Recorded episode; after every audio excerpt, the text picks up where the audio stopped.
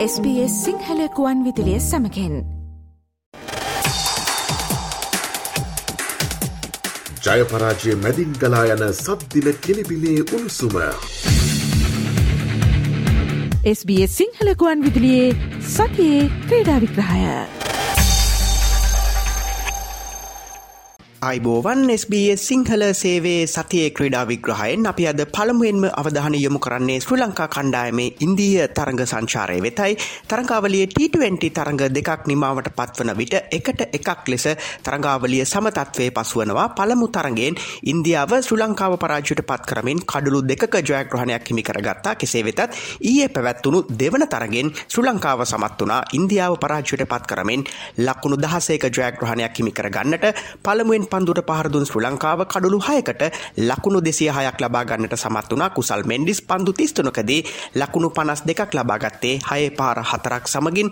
නායක දසුංශානක පන්දු විස්සකදී අර්ධ ශතකයක් වාර්තා කරන්නට සමත් වනා හයේ පහර හයක් සමගින් එය අනුව ශ්‍රී ලංකාව වෙනුවෙන් T20 තරඟබිමේ වේගවත්ම අර්ධ ශතකය ලබා ගැනීමේ වාර්තාව ඊය දිනේදී දසුංශානක හිමිකරගන්නට සමත් වනා එවගේම දසුංශානක ඉන්දියාවට එරහෙව අවසන් T20 ඉනිම පහත් තුළදී ලකුණු දෙසිය පනස් පහක් ලබාගන්නටත් සමත් වී තිබෙනවා.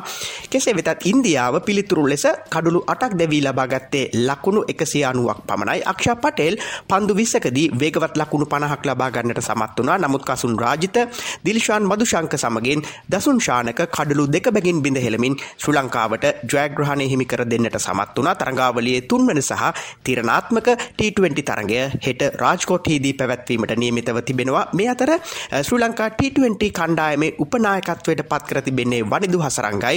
තරංගාවලිය සඳහා කණ්ඩායම පිටත්වයාමට පෙර ඔහු තමන්ගේ අලුත් වගකීම පිළිබඳව මේ ආකාරයෙන් මාධ්‍යයට අදහස් දක්වා සිටියා. ඔහු ඇත්තරම ගොඩක් සතුටුයි. මුලින්ම මට T20 කණ්ඩායම උපනායකත්වය ලැබීම ගැන. ඒ වගේම අපි නිතරම බලන්නේ කණ්ඩායමක් විදියට හැම තරගයක්ම අපි කොහොමද ජයග්‍රහණය කරන්න කියලා. ඉතින් උපනායකයා විදියට මම නිතරම දසුන්ට කැප්ටන්ට මං ගොඩක් සපෝට් කරන්න තමයි මගේ මම බලාපොරොත්තු වෙන්නේ. මොකද අපිට තියෙන්නේ හොඳ තරඟාවලියක් ඉන්දියාව සමග. ඉතින් මං හිතන්නේ අපි කණ්ඩායමක් විදියට ක්‍රීඩා කිරීම තමයි ගොඩක්ම වැදගත් වන්නේ. මේ අතර ශ්‍රී ලංකා එක්දින කණ්ඩායමේ උපනායකත්වයට පත් කළ කුසල් මෙන්ඩිස් තරඟාවලියට පිටත්ව යාමට පෙර මේ ආකාරයෙන් අදහස් දක්වා සිටියා. ඇතර මං පෞද්ගල ගොඩ සතුර වෙනවා. ඉතින් මට දේ ලැබිච්චක් ගැන. ඉතින් මං බලාපොරොත්තු වෙන්නේ ටීම කලුත් උපනායක වෙන්න කලු ටීම අවස් දේවල් මං විකට කීප් කරද්දී ෆිල්කාදී දේවල් මල්ල බා දුන්න කැප්ටන්ට ඉතින් මං හිතනවා මේක මේකේ දිගටම ඉතින් මට මේක හම්බ තියෙනකම් පුළුවන් උපරේම ටීමට දෙන්න බලාපොරොත්තු වෙනවා ඉතින් පෞද්ගලම ගොඩ සතුර වෙනවා. අතර මම මං දිගටම සෙල්ලම් කරේ නම්බර ඕපන් ඉඳන් නම්බර 3 හද සෙල්ලම් කළා දිනවා. ඉතින් මට ටීම් එකට අවශ්‍ය දේ කලින් ටෝය මට කරන්න උනා. ඉතින් මම ගැන මම සතුටෙන් තමයි ඒ දේ එතනට ආවේ. ඉතින් මට ලොකු වෙනසක් නැහැ. වන් ඩවුන් සෙල්ලම් කරත් ඕපන් සෙල්ලම් කරත්.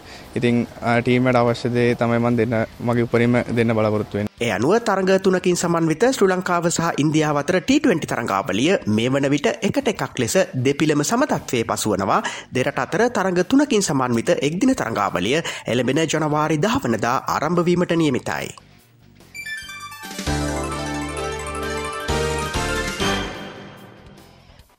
ශ්‍රී ලංකා ක්‍රිකට් උපදේශක පුහුණුකරු මහිල ජයවර්තනට තවත් වසරක සේවාදිගුවක් ලබාදීමට ශ්‍රී ලංකා ක්‍රිකට් ආයතනය තීරණය කර තිබෙනවා. ඒ අනුව දෙදහස් විසිතුනේ ජනවාරි පලවිනිදා සිට මේ නව සේවාදිගුව ලබා දුන් බවයි ශ්‍රී ලංකා ක්‍රිකට් ආයතනය පවසන්නේ ඒ අනුව ශ්‍රී ලංකා ජාතික කණ්ඩායම වයස දහනමෙන් පහල කණ්ඩායම වගේම ශ්‍රී ලංකා ඒ ක්‍රිකට් කණ්ඩායමත් මහිල ජයවර්ධනගේ උපදේශකත්වයේ යටතේ ක්‍රියා කිරීමට නියමිතව තිබෙනවා විශේෂයෙන්ම වයස දහනමෙන් පහල කණ්ඩායම වගේම ශ්‍රී ලංකා ජාතික ජාතික කණ්ඩායමේ පුහුණු කාර්ය මණ්ඩලය මහිලගේ දායකත්වය පිළිබඳව ඉතාමත් ඉහලින් පැසසුම් සහගතව කතා කරන බවයි ශ්‍රී ලංකා ක්‍රිකට් ආයතනය සඳහන් කරන්නේ මේ වන විට මහිල ජයවර්ධන මුම්බා ඉන්දියන්ස් කණ්ඩායමේ ගලෝබල් හෙඩ් of පෆෝමන්ස් තනතුරේ කටයුතු කරමින් සිටිනවා. මේ අතර ශ්‍රී ලංකා ක්‍රිකට් නව තේරීම් කමිටුවක් නම් කරන ලෙස ක්‍රීඩා අමාත්‍යවරයා දැනුම් දී තිබෙනවා. කෙසේ වෙතත් වත්මන් තේරීම් කමිටුව ඉවත් කරන ලෙස ක්‍රීඩා අමාත්‍යවරයා දැනුම් දී නැහැ. ඒ අනුව ශ්‍රී ලංකා ක්‍රිකට් ආයතනය ප්‍රමෝද්‍ය වික්‍රමසිංහගේ සභාපතිත්වයෙන් යුතු තේරීම් කමිටුවම ක්‍රීඩා අමාත්‍යංශයේ අනුමැතිය සඳහා යොමු කර තිබෙනවා. විශේෂයෙන්ම ජාතික ක්‍රීඩා තේරීම් කමිටුව වෙත තමයි මේ අනුමැතිය සඳහා යොමු කර තිබෙන්නේ. නමුත් වාර්තා වන ආකාරයට ඒ සඳහා අනුමැතිය හිමි නොවීම වීමට ඉඩ ඇති බවයි මේ වන විට දැනගන්නට ලැබෙන්නේ. විශේෂයෙන්ම ජාතික ක්‍රීඩා සභාවේ සභාපතිවරයා ලෙස කටයුතු කරන අර්ජුන රණතුංග මහතා ප්‍රසිද්ධියම මේ තේරීම් කමිටුව විවේචනයට ලක් කලා එය අනුව ප්‍රමෝද්‍ය වික්‍රමසිංහ රොමේෂ් කළුවිතාරණ හේමන්ත වික්‍රමරත්නකින් සමන්විත ශ්‍රී ලංකා ක්‍රිකට් තේරීම් කමිටුව සඳහා තවත් සේවා දිගුවක් ලැබේදයි යන්න සැක සහිත බවයි මාධ්‍ය වාර්තා කර තිබෙන්නේ. මේ අතර ඉංගලන් ලයින්ස් ක්‍රිකට් කණ්ඩායම තරඟ සංචාරයක් සඳහා ශ්‍රී ලංකාවට පැමිණීමට නියමිතයි ඒ ශ්‍රී ලංකා ඒ ක්‍රිකට් කණ්ඩායම සමගයි. සිව්දින තරඟ දෙකක් සහ එක්දින තරඟ තුනක් මේ තරඟාවලියට අයත් වනවා. පළමු සිව්දින ක්‍රිකට් තරඟය ජනවාරි 31 වනදා ගාල්ලේදී ආරම්භ වීමට නියමිතයි. දෙවන සිව්දින ක්‍රිකට් තරඟය පෙබරවාරි 7 වනදා ගාල්ලේදී පැවැත්වෙනවා. ඉන් අනතුරුව තරඟ තුනකින් සමන්විත එක්දින තරඟාවලිය ආර්. ප්‍රේමදාස ක්‍රීඩාංගණයේදී පෙබරවාරි 15 වනදා සිට ආරම්භ වීමට නියමිතයි.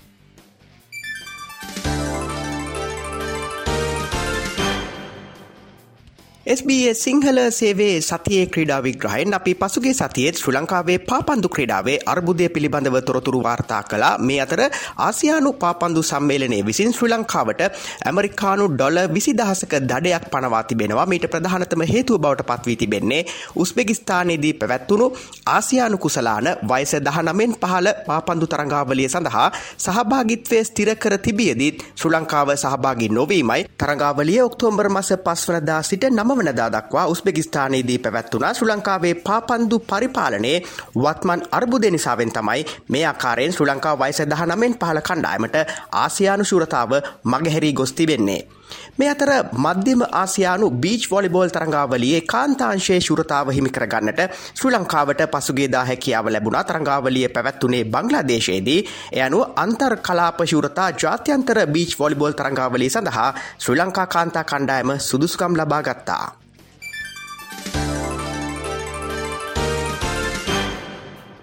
SBS සිංහල සේවේ සතියේ ක්‍රීඩා විග්‍රහයෙන් අපි දැන් අවධානය යොමු කරන්නේ ඔස්ට්‍රේලියානු ක්‍රීඩා පිටිය වෙතයි. ඔස්ට්‍රේලියාව සහ දකුණු අප්‍රිකාව අතර තුන්වන සහ අවසන් ටෙස් ක්‍රිකට් තරගේ තුන්වන දිනය අදයි. තරගේ දෙවන දිනේ නිමාවට පත්වන විට තමන්ගේ ප්‍රථම ඉනිම ක්‍රීඩා කරන ඔස්ට්‍රලියාව කඩුළු හතරක් දැවී ලකුණු හාරසිය හැත්තෑ පහක් ලබාගෙන සිටියා. උස්මන් කවාජා නොදැවී ලකුණු එකසියානු පහයි. ස්ටීවන් ස්මිත් ලකුණු එකසිය හතරක් ලබාගත්තා. මේ ඔහුගේ තිස්වන ටෙස්ට් ශතකයයි. එය අනුව ශතක විසි නමයක් ලබාගෙන ඩොනල් බ්‍රඩ්මන් සත් වූ වාර්තාව අභිභවා යන්නට ස්ටීවන් ස්මිත් ඊය දිනේදී සමත් වනා. ඔහු මේ තරඟ වදින්නේ තමන්ගේ අනු දෙවන ටෙස් තරගේටයි. ඔස්ට්‍රේලයා දකුණු අප්‍රිකා ටෙස් තරඟාවලිය දෙකට බිඳුවක් ලෙස මේ වන විටත් ඔස්ට්‍රලියාව ජයගෙන සිටිනවා. ඔවුන්ට මේ තුන්වන තරගයක් ජයගැනීමට හැකියාව ලැබුණහොත් ICC ටෙස් ක්‍රිකට් ශුරතාවලියේ ප්‍රසාද ලකුණු සටහනේ ප්‍රථම ස්ථානය රැකගන්නට හැකියාව ලැබෙනවා. මේ වන විට ප්‍රසාද ලකුණු සටහනේ දෙවන ස්ථානය සඳහා තරගයක් නිර්මාණය වී තිබෙන්නේ ශ්‍රී ලංකාව ඉන්දියාව සහ දකුණු අප්‍රිකාව අතරයි.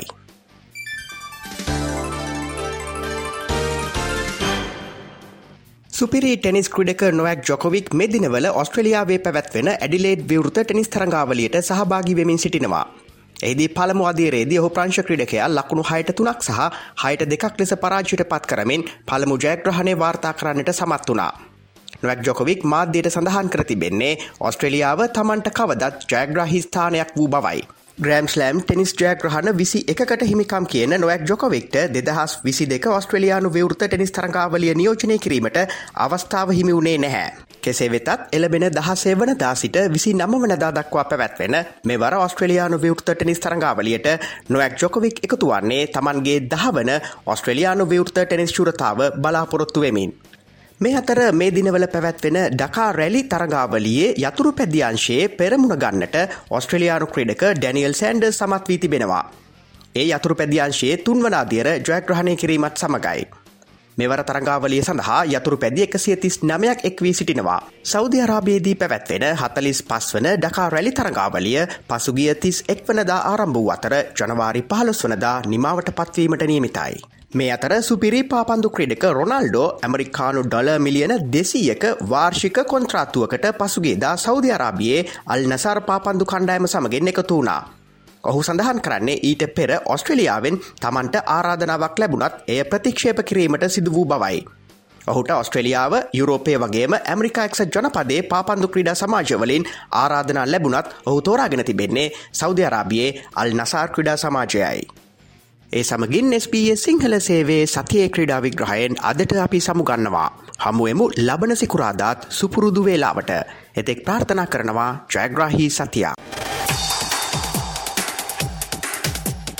ජයපරාජය මැදින් ගලා යන සද්දින කෙලිබිලේ උණුසුම. SBS සිංහලකුවන් විදිලියේ සතියේ ක්‍රීඩා විග්‍රහය.